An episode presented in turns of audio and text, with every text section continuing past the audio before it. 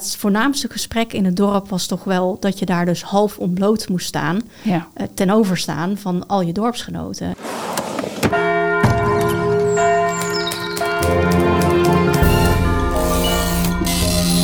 Je luistert naar het geheugen van Brabant. De podcast van het Brabants Historisch Informatiecentrum in Sertogenbos. Dwaal mee door onze archieven op zoek naar de mooiste verhalen van vroeger. Is je reisleider op onze speurtocht, Marilou Nillissen. Leuk dat je er weer bent en fijn dat jij er ook weer bent, Anton. Zeker leuk. Eh Marilou, we hebben ontzettend veel reacties gehad op onze eerste uitzending. Hè? Klopt, het was heel leuk. Zullen we er een paar uitpikken? Lijkt me een goed idee. Nou begin ik met Danielle. En die zegt dat ze eh, met de huidige lockdown uitkijkt naar nummer 2. Nou, dat komt goed uit. Daar zijn we nu mee bezig. Ja. Ehm, en Juri, die eh, had een eh, puntje van kritiek. eh, en daar had hij wel gelijk in. Hij vond dat we te veel door elkaar praten. Nou Juri, we gaan proberen om dat deze keer beter te doen. Dat is een mooie missie. En Kees van Dam, ook jij bedankt voor je berichtje dat eigenlijk je autoritje te kort was. We moeten toch een beetje naar de klok kijken. Ja, wat gaan we het komend half uur doen, Marilou? We hebben een spannende fonds van de maand. Margraaf. Zeker te weten. En we gaan verder met eh, Marietje Kessels. En verder gaan we het vooral hebben over gezondheid. Dus dat hoor je ook terug in de brief, de film. De gast gaat het daarover hebben. En in jouw column natuurlijk, Anton. Zeker weten. Ik zou zeggen, laten we maar snel beginnen. Doen we. De vondst van de maand. Aan het eind van onze vorige podcast konden we al een tipje van de sluier oplichten, hè Margot? Ja. Maar toen konden we nog niks zeggen over de inhoud. Nou, ik maak het misschien wel heel mysterieus. Maar gelukkig ben jij mijn collega van communicatie, dus leg maar eens uit waar we het over hebben. Nou, begin januari waren we bezig met de openbaarheidsdag. Toen collega Joost mij mailde dat hij in de archiefstukken van de gemeentepolitie Vught, die nu openbaar zijn geworden, stond toevallig ook een stuk aantrof over de teruggave van een hoeveelheid oude munten aan een zekere mevrouw Margraaf. Nou, ik kan je zeggen dat de alarmbellen afgingen. Ja, de naam alleen al, hè, Margraaf. Ja, klopt. Eh, ja, de familie Margraaf. Ja, misschien kennen mensen de familie van de succesvolle podcast De Brand in het Landhuis. Maar als dat niet het geval is, de familie Margraaf is een ja, mysterieuze familie in Vught. Ze bezitten het landgoed Sionsburg. En ehm, ja, ze zijn heel bemiddeld. Ze hebben heel veel landerijen, eh, heel veel schilderijen, nou, noem maar op. En ehm, sinds 1911 woont Loke Margraaf, trots eigenaar wordt hij dan van Sionsburg. En hij woont daar samen met Catharina, hun vier dochters en zoon Ewald. Ja, Ewald. En ik Ja. denk, die ken ik. Ja, klopt, want die speelt een belangrijke rol in die podcast. Ja, Ewald, ja, dat moeten we even toelichten. Het is Ja. toch wel een hele bijzondere eh, man. Hij is jurist. Hij heeft continu aan de stok met de gemeente Vught. Hij eh, jaagt mensen van zijn landgoed waar hij dan woont, hè, Sionsburg. En ehm, nou ja, hij, is ook, hij onderhoudt zijn pand niet goed. En ehm, ja, dat is een beetje excentriekeling. Niet erg geliefd in het dorp. Dat klopt, nee. En dan is het 7 december 2003 en dan staat Sionsburg opeens in lichte laaien. En ze vinden Ewald dood achter de voordeur van zijn brandende landhuis. Nou ja, je kunt je voorstellen, dat eh, roept toch wel wat vragen op. Want eh, mensen vragen zich af hoe kan dat eh ja, Sionsburg in brand zijn eh, gestoken? Hè? Waarom komt de brandweer zo laat? Waarom vinden ze hem achter de voordeur? Ja, en wij hebben dus nu dit stuk gevonden. En dan denk je, misschien kunnen we een puzzelstukje ehm, hè, vinden. Wat Ja. het mysterie gaat oplossen. Ja, want de familie Margraaf was zeer bemiddeld. Ewald zeker ook. En het archiefstuk gaat over teruggevonden munten. Ja, klopt. Klopt. Over oude munten. En dan haal ik even dat stuk erbij. Want eh, daar staat dat het gaat om 479 oude munten. In totaal een bedrag van 67.995 gulden. Aha. Ja, maar ja, helaas eh, vinden we ni- niks van een toelichting over de herkomst van die munten. Dus ja, en de politie vindt dat ook niet. Eh, ze hebben geen rare bewijsstukken van clandestine handel. Ja, dus ze kunnen niet anders dan die munten teruggeven. Dus vandaar dat retourbewijs. Ah ja. Ja, En we komen dus niet een stapje dichterbij bij de oplossing wat nou eh, achter de dood van Ewald heeft gezeten en waar zijn geld is gebleven. nee, helaas niet. Maar het prikkelt wel heel erg mijn nieuwsgierigheid, want ik denk, er komt weer een geheim bij eh, in feite. Dat denk ik wel. Ja, en wie weet welke geheimen er nog meer naar boven komen in de komende jaren als er weer andere archieven inzichtelijk worden. Ik heb het idee dat dit niet de laatste keer is dat wij deze familie tegenkomen. Jij wel, Margot? Ik denk het ook niet. Nee. Zo dadelijk vertelt Mathilde, onze foto- en filmcollega, over heel iets anders. Over een filmpje dat dik 70 jaar oud is, maar dat een onderwerp aansnijdt dat actueler lijkt dan ooit. Maar eerst gaan we luisteren naar. Stem uit het verleden. Augustus 1949. Soms is het alsof ik absoluut moet gaan schrijven over alles wat er in mij omgaat en door mijn hoofd rondtolt. En dan is het mij alsof ik praat tegen iemand waar ik heel erg veel van houd, bijvoorbeeld tegen mijn dochter. En dan stel ik mij voor dat ze 16 jaar oud is en dat ik oude herinneringen ophaal. Nu is ze nog geen vier jaar en daarom lijkt het misschien erg gek, maar ik heb altijd alles aan haar verteld, al lang voordat zij geboren was.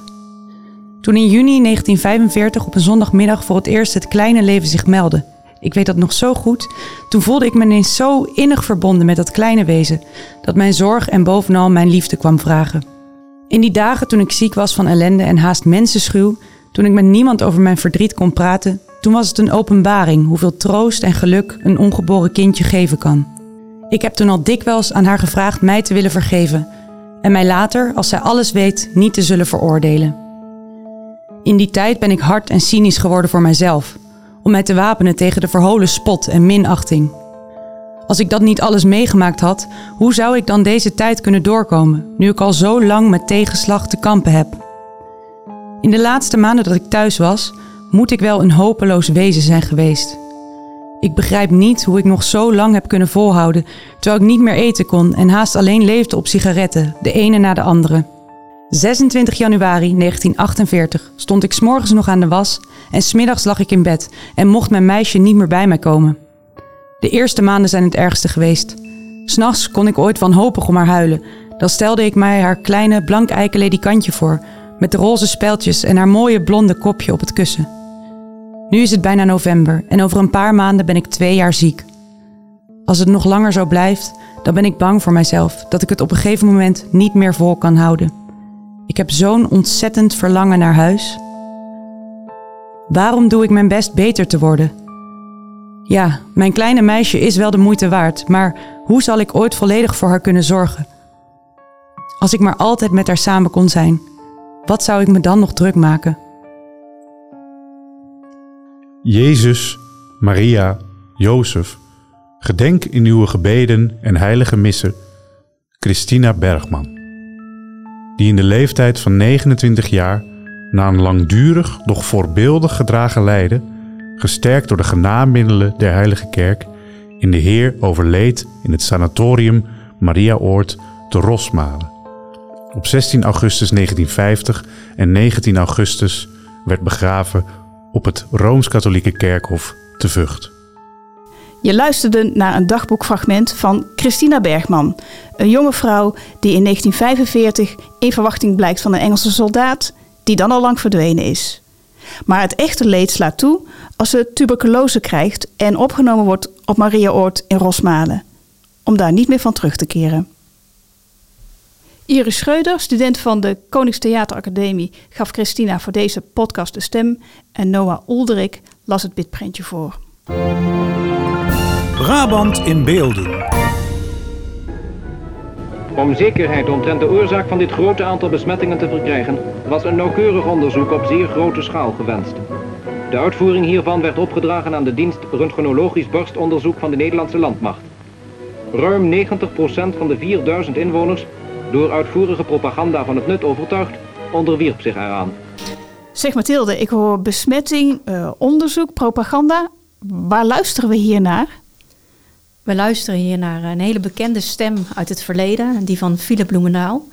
En het geluid uh, zit onder een filmpje uit 1948. Uh, het is opgenomen in Boekel. En toen werd namelijk uh, de hele bevolking uitgenodigd voor een gratis longscan. En die uitnodiging die, die, die volgde op een onderzoek van een jaar eerder. Toen was namelijk gebleken uit het bekende krasje in de arm... Dat meer dan de, ongeveer de helft van de, de Boekelse schooljeugd... besmet was geweest met, met een bacterie die eh, tuberculose eh, kon veroorzaken. En je moet je voorstellen, eh, het was toen net na de oorlog, 1947, 1948. En TBC eh, kwam toen echt nog veel voor in Nederland en eh, kon ook dodelijk zijn. Eh, en in die tijd werd je nog eh, naar een sanatorium gestuurd als, je, als je TBC had. En moest rust en frisse lucht voor genezing eh, zorgen. Dus het was een ziekte waar mensen echt wel bang voor waren. Nadat uit dat onderzoek uit 47 was gebleken dat die, dat die bacterie daar zo rondwaarde in Boekel, werd een jaar later het leger ingezet en met een nieuwe techniek ingezet om behulp van röntgenfoto's alle TBC-gevallen in Boekel op te sporen. En toen werd er een grote bevolkingsonderzoek gehouden in heel eh, Boekel en Venhorst. Oké, dus het filmpje, daarop zien we ook veel inwoners van Boekel en van Venhorst. En wat zien we daar nog meer? Ja, wat we zien is een, een lange rij eh, mensen, eh, mannen, vrouwen, kinderen. Eh, de mannen hebben allemaal een pet op, een klompen aan en meisjes mooie strikken in het haar. En die staan in een rij en die gaan een gebouw binnen. Eh, eenmaal binnen, dan zijn, zien we op de opnames eh, eh, zien we alleen nog maar de mannen en de meisjes en losse shots. En ze hebben ontbloot, ontbloot eh, bovenlichaam. Dat hebben ze bij de vrouwen maar niet gefilmd. eh. Dat hebben ze denk ik niet Nee, gefilmd bij de nee. vrouwen. Want ze stonden wel in de rij buiten, maar binnen zijn, Zijn ze ze niet meer te zien. Oké. En eh, die mannen hebben ontbloot bovenlichaam, maar wel dus gewoon hun, hun broek en hun klompen nog aan. Mhm. En de meisjes die hebben ook ontbloot bovenlichaam en die hebben van die hele grote witte onderbroeken aan. en opgetrokken kousen, blote knieën en ook keurig een strik nog in het haar. Eh, en binnenin die ruimte staan een hele hoop hele grote logge machines. Die worden bediend door eh, mensen in witte jassen. Dus die zullen dan van die, eh, van die legereenheid zijn. De meisjes worden ook opgetild om een, een, een te maken. Ik, ik kan me voorstellen dat een dergelijk onderzoek ehm, heel veel indruk heeft gemaakt bij de mensen van toen. En zelf vind ik het ook heel frappant om alle gelijkenissen te horen in, in deze tijd. Er zijn ook al reacties binnengekomen op het filmpje dat al op onze site te zien is. Hè? Wat zeggen mensen daarover? Ja, wat mensen onder andere zeggen is dat ze waren natuurlijk allemaal heel benieuwd in Boekel wie nou daadwerkelijk eh, TBC zou hebben. Want het feit dat die eh, bacterie was aangetroffen betekent niet per se dat je TBC had gehad.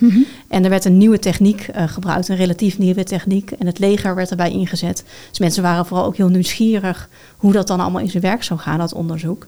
Maar het voornaamste gesprek in het dorp was toch wel dat je daar dus half ontbloot moest staan Ja. ten overstaan van al je dorpsgenoten. In 1948, eh, wat toch nog een behoorlijk preutse tijd was.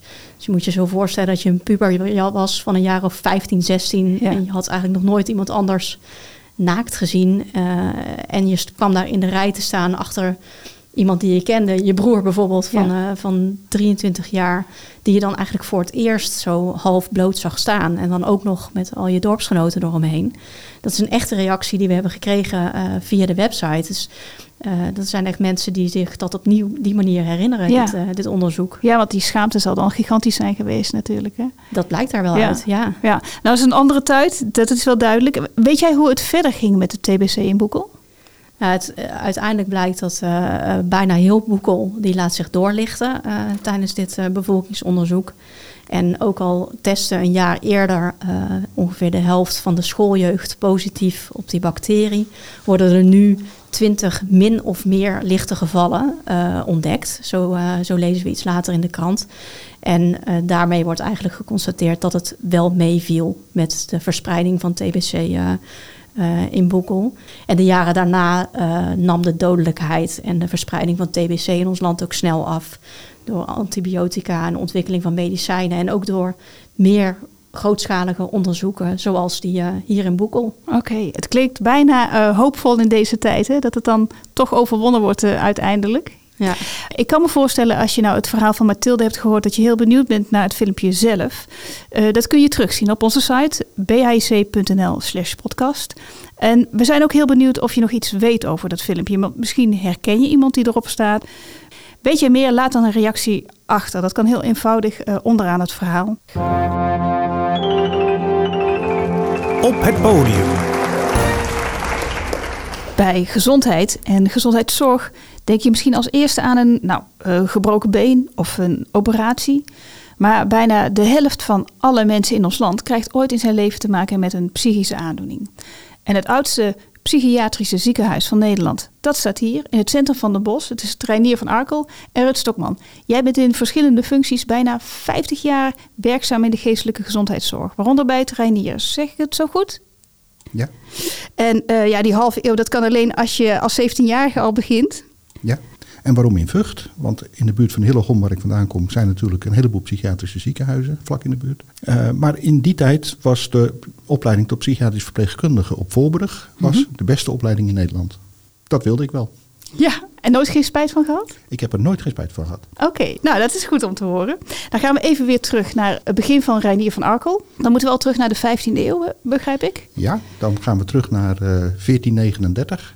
Dan overlijdt in Renier van Arkel. Eh, we denken dat het een rijke koopman eh, is geweest. En bij testament bepaalt hij dat het grootste gedeelte van zijn geld gebruikt moet worden voor de bouw voor een huis voor zes zinnelozen. In die tijd was dat een hele gebruikelijke term. Later eh, wordt dat natuurlijk veranderd in krankzinnigen. Er wordt ook nog een tijdje gesproken over gekken. Later wordt het patiënten en tegenwoordig spreken we over cliënten. Ja, maar in die 15e eeuw zijn het zes zinnelozen die daar mogen eh, gaan wonen. Of worden opgenomen? Als je gaat kijken, eh, in die tijd zullen er best veel meer mensen zijn geweest die je zou kunnen eh, benoemen als zinneloos. Maar het waren juist degenen die het de meest ernstige vormen hadden, zeg maar vormen van razernij, die werden buiten de, de muren geplaatst en die werden daar opgenomen. Vaak dus de mensen die overlast veroorzaakten, kan ik het zo overlast veroorzaakte. In het huis wat in 1441 gebouwd wordt eh, voor de zes zinnelozen, daar worden zelfs zes kooien ingebouwd. Mm. Eh, en in die tijd was er vaak sprake van spannen en binden. Ja, daar kun je wel een voorstelling van maken dan. Ja. En, en wie, wie eh, nam de verpleging dan voor zijn rekening? Nou, in die tijd kun je eigenlijk helemaal niet spreken van verpleging.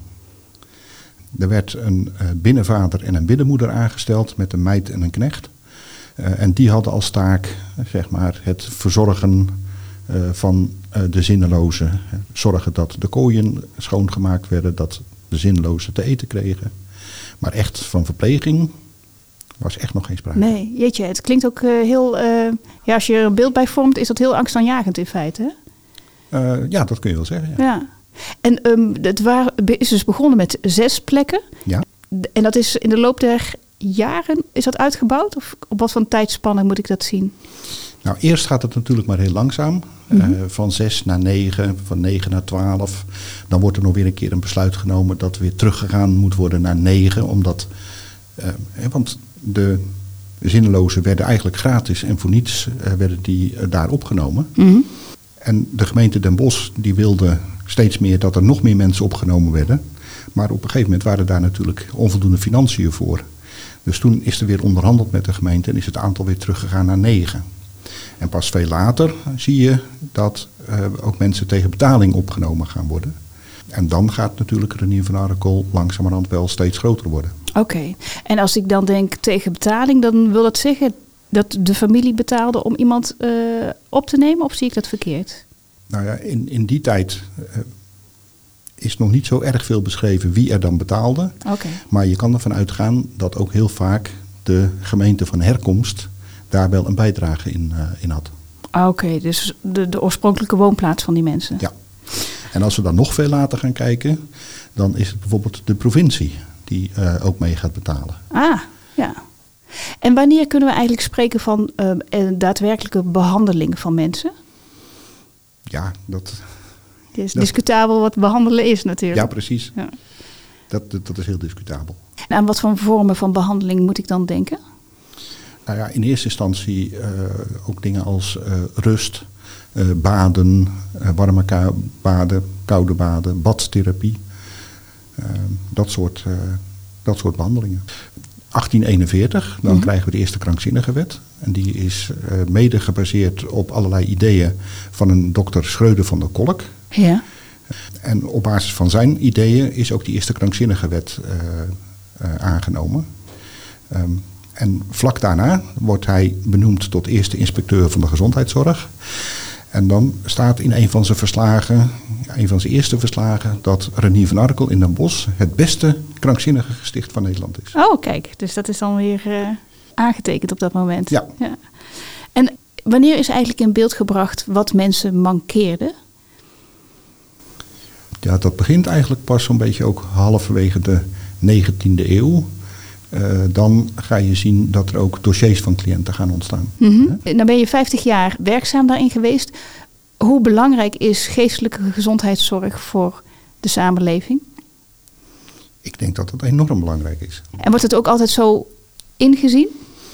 Eh, dat denk ik niet. Nee, nee. Maar je noemde net zelf al bijna de helft. Mhm. Hè? Ehm, inderdaad, 40% van alle Nederlanders krijgt vroeger of later te maken met de geestelijke gezondheidszorg. Ja. Zo'n 10, 15 jaar geleden hadden we het steeds over 25%. Oké. 1 op de 4. Dus dat betekent dat in een paar tientallen jaren dat dat aantal enorm toegenomen is. Ja.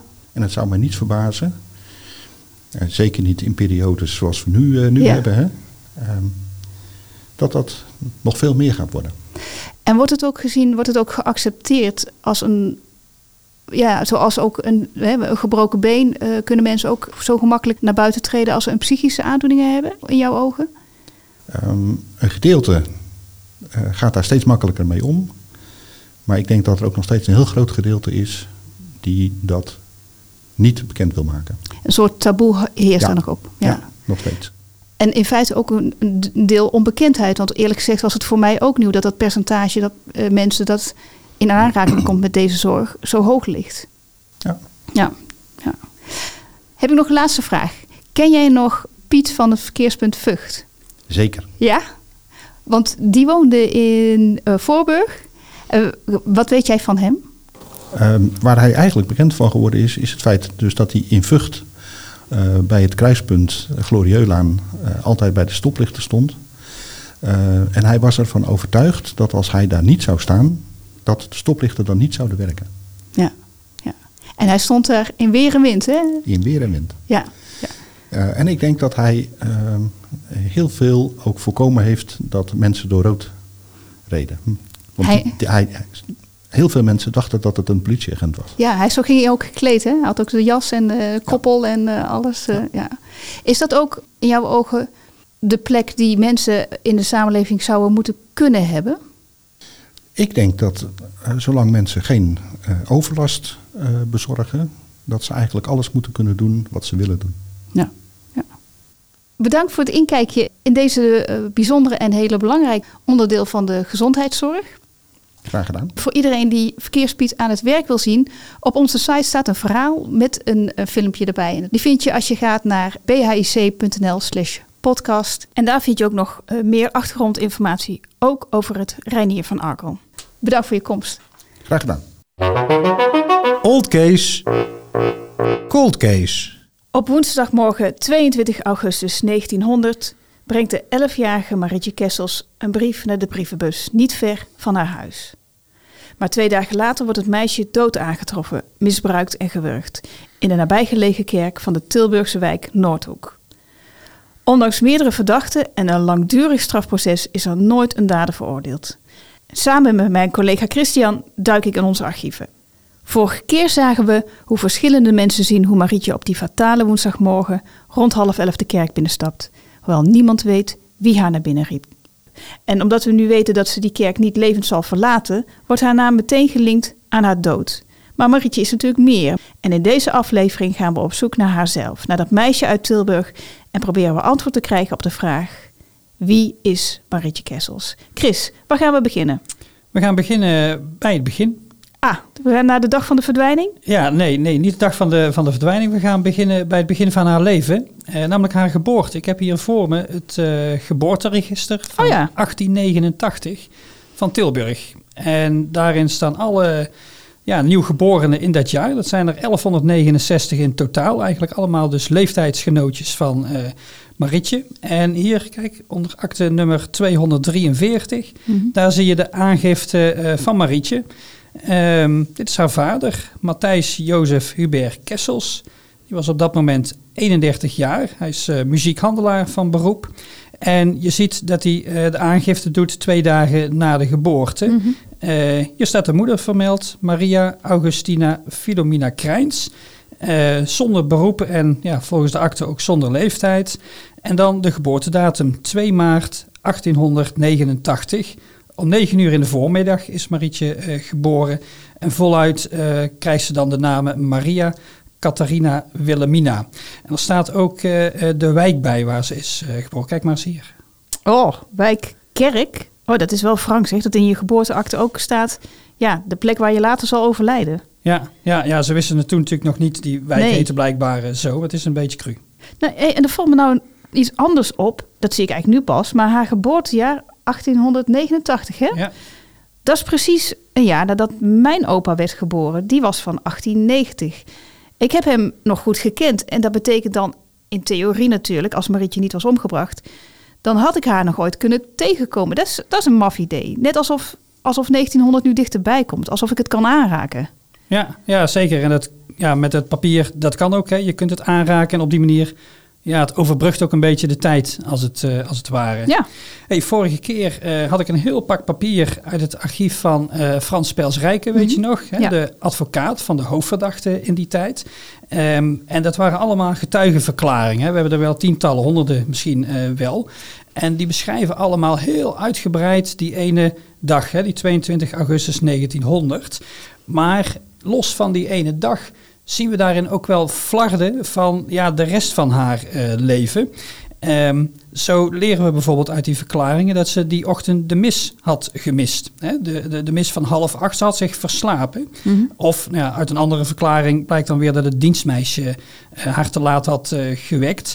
Ehm, dat zegt natuurlijk wel iets over het soort gezin waarin ze is opgegroeid. Hè. Ze hadden niet allemaal in Tilburg dienstmeisjes in Nee. huis eh, rondlopen. Ze heeft overigens wel de catechismusles van acht uur eh, gevolgd. Van de pastoor, van Zinnik Bergman eh, was dat.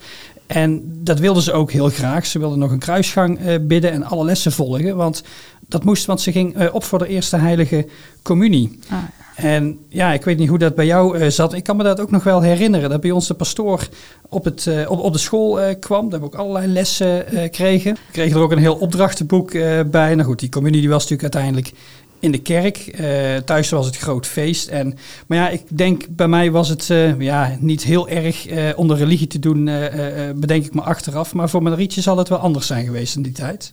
Ja, dat weet ik eigenlijk wel zeker. Want dat zag ik laatst in een, in een rechtbankverslag, las ik terug.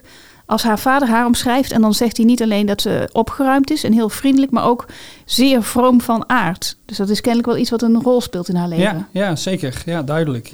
Hey, terug naar die getuigenverklaringen. Eh, daar leren we ook uit wat ze ontbeten had. Eh, misschien wel iedere morgen, maar in ieder geval 22 augustus. Dat was een glas melk en brood. En daarna ging ze op pad, eh, iets voor half elf. En ze moest toen twee dingen doen. Ze moest die brief posten, hè, waar Ja. jij het over had. En ze moest aan de organist van de kerk vragen of de les van die middag kon eh, eh, vervallen. Want er was een familieuitje gepland.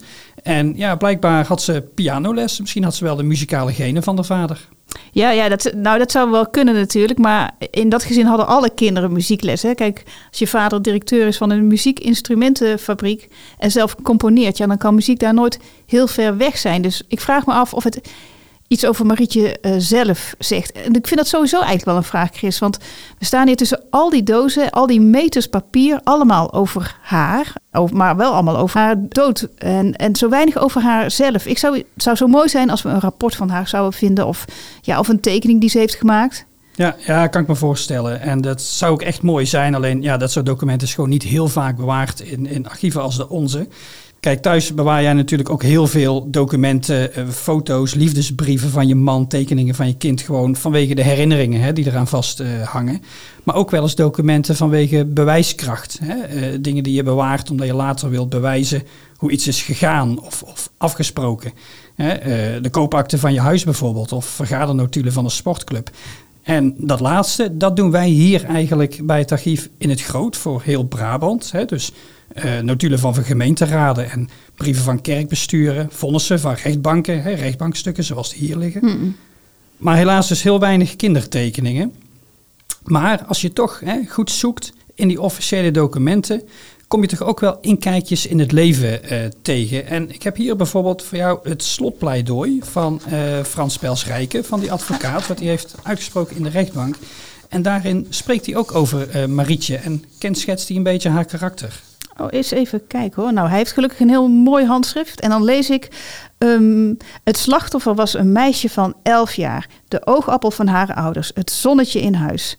Zulk een lief schepseltje der natuur ging die memorabele woensdagmorgen bloothoofd met glinsterende blonde krullen van huis. Vrolijk huppelend zien we haar daar gaan, gekoesterd door het zonnetje, vol levenslust. En waar is zij toen gebleven? Ondraaglijk is de gedachte dat de heilige onschuld werd ontheiligd, dat reine, tintelende leven werd vernietigd. Nou, jeetje, dat is bijna, dat is bijna een soort heilige verklaring. Ja, ja bijna, bijna wel hè. Kijk, tijdens die rechtszaak ja, werd zij eigenlijk al tot een soort martelares eh, gemaakt. En in die context moet je dan ook zo'n eh, zo'n document lezen natuurlijk. Maar ze had, gelukkig had ze ook een, eh, een ondeugende eh, kant, gelukkig hè, maar voor een elfjarig meisje. En daarvan vinden we ook een voorbeeld in het archief.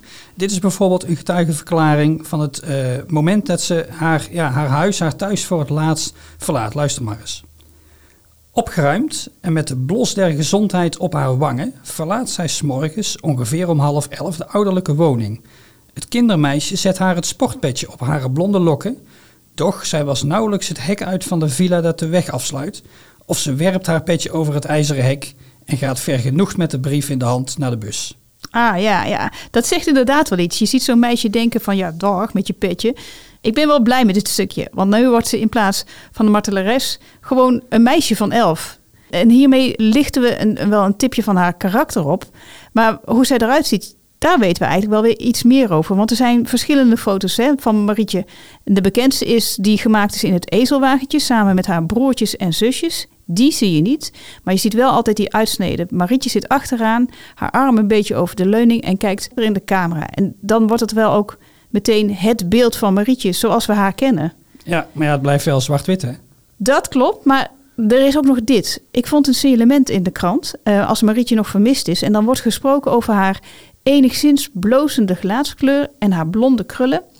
En onze collega Emiel die gebruikt speciale software om oude foto's in te kleuren. En ik heb hem gevraagd om deze foto van eh, Marietje kleur te geven. Ik heb jou hem nog niet laten zien, dus Oh. daar komt hij dan. Ik ben benieuwd wat jij ervan vindt, Chris. Oh, wauw. Ja, jeetje. Ja, ik ken die foto natuurlijk heel goed, maar ja, zo met kleur. Ja, ze kijkt je ineens echt aan, hè? Ja, het is heel anders, hè? Maar ik vind het ook een mooi resultaat. Maar wat vind jij daar nu van als archivaris? Kan dit? Ja, ja, het kan, want je ziet het, hè, het gebeurt. Eh, ik vind het ook mooi. Aan de andere kant, ik moet ook eerlijk zijn, als archivaris blijf ik ook altijd graag dicht bij de bron. En ja, dit is natuurlijk nu wel een letterlijk gekleurde manipulatie van de werkelijkheid geworden. Maar ja, ja wat is authentiek? Hè? Ik bedoel, onze voorouders, ja, die leefden ook niet in zwart-wit, maar in kleur. Nee, dat klopt. Die, en die kleur die verkleint wel de afstand tot het verleden, vind ik zelf. Ja, zeker. Maar we moeten dus wel beseffen dat er ook keuzes zijn gemaakt. Hè. Je noemde het signalement. Hè. Een enigszins blozende gelaatskleur had ze. Maar ja, hoe, hoe enigszins is enigszins blozend. Hè. Het is ook een, een interpretatie natuurlijk. En dat soort keuzes, ja, dat moeten we dan wel goed eh, verantwoorden. Want ja, zeker op internet, er wordt al genoeg gefotoshopt en gediepfaked. Dat is zeker waar. Nou, volgende keer gaan we verder in de bronnen en maken we kennis met de rest van het gezin Kessels. Ben je benieuwd naar de ingekleurde foto van Marietje? Die kun je vinden via bhic.nl slash podcast. En daar vind je trouwens nog veel meer. Ook haar geboorteakte en onder de bonusknop vertelt onze collega Emiel hoe hij het inkleuren van zo'n foto aanpakt en welke keuzes hij maakt. Ja, en ik ben eigenlijk ook wel benieuwd wat onze luisteraars vinden van het inkleuren van dat soort ja, historische, iconische foto's. Nou, reageren kan op ons forum. Laat het ons weten. Blik uit het bik. Blik uit het bik? Nou, hopelijk wel een heldere blik. En dat is zeker niet vanzelfsprekend, want ondergetekende heeft behoorlijk slechte ogen.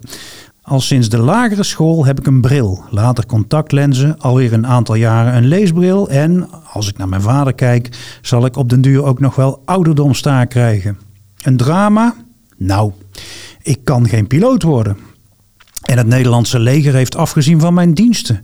Maar om dat een drama te noemen, nou nee. Met de nodige hulpmiddelen en medische ingrepen zijn slechte ogen prima te compenseren of te corrigeren. Maar wat als? Wat als ik een paar eeuwen geleden zou hebben geleefd? Toen waren die hulpmiddelen en ingrepen er nog niet. Had ik me in die tijd staande kunnen houden? Ik heb de proef op genomen, mijn lenzen en brillen een tijdje aan de kant geschoven en onversterkt de dag begonnen. Wat blijkt? Het viel best mee. Ik zie bepaald niet scherp, maar neem toch genoeg waar om zonder veel problemen door de wereld te bewegen. Nou ja, autorijden lijkt me niet verstandig, nee. Nee, wees niet bang, dat heb ik ook niet geprobeerd. Maar wandelen of fietsen gaat zonder veel problemen of gevaren voor mezelf of mijn omgeving. En als ik een voorwerp 10 tot 20 centimeter voor mijn ogen houd, kan ik de details prima zien. Ik zou dus bijvoorbeeld schoenen kunnen lappen of kleren naaien. Met andere woorden, ik zou denk ik wel in mijn levensonderhoud kunnen voorzien. Met handwerk of fysieke arbeid. Met verziendheid en bijziendheid viel eeuwen geleden nog wel te leven. Problematischer werd het als aandoeningen als staar de kop opstaken. Staaroperaties waren al wel bekend, maar de risico's waren groot.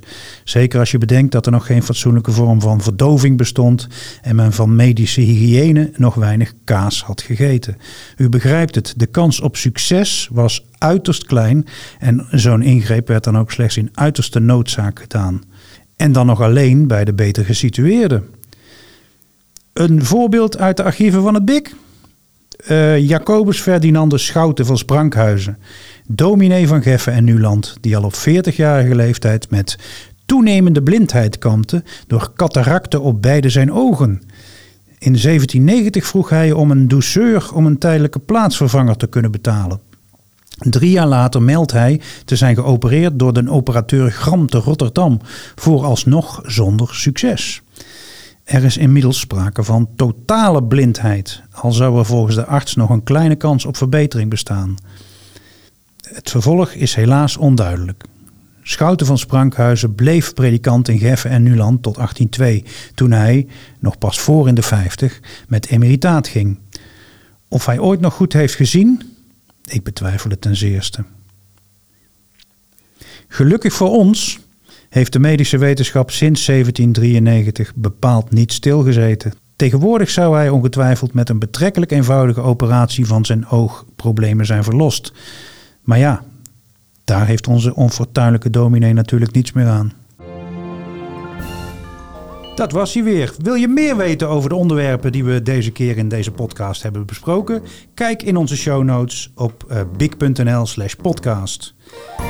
Vind je onze podcast leuk? Abonneer je dan via je favoriete podcast app. En ben je benieuwd naar de aflevering van volgende keer? Dan zitten we in februari. En daar valt ook Valentijnsdag in. En we hebben als gast de Dr. Love van Twitter, Mark Tra, die je meeneemt in de wonderenwereld van contactadvertenties van vroeger. Wij hebben er zin in. Zeker weten. Doeg!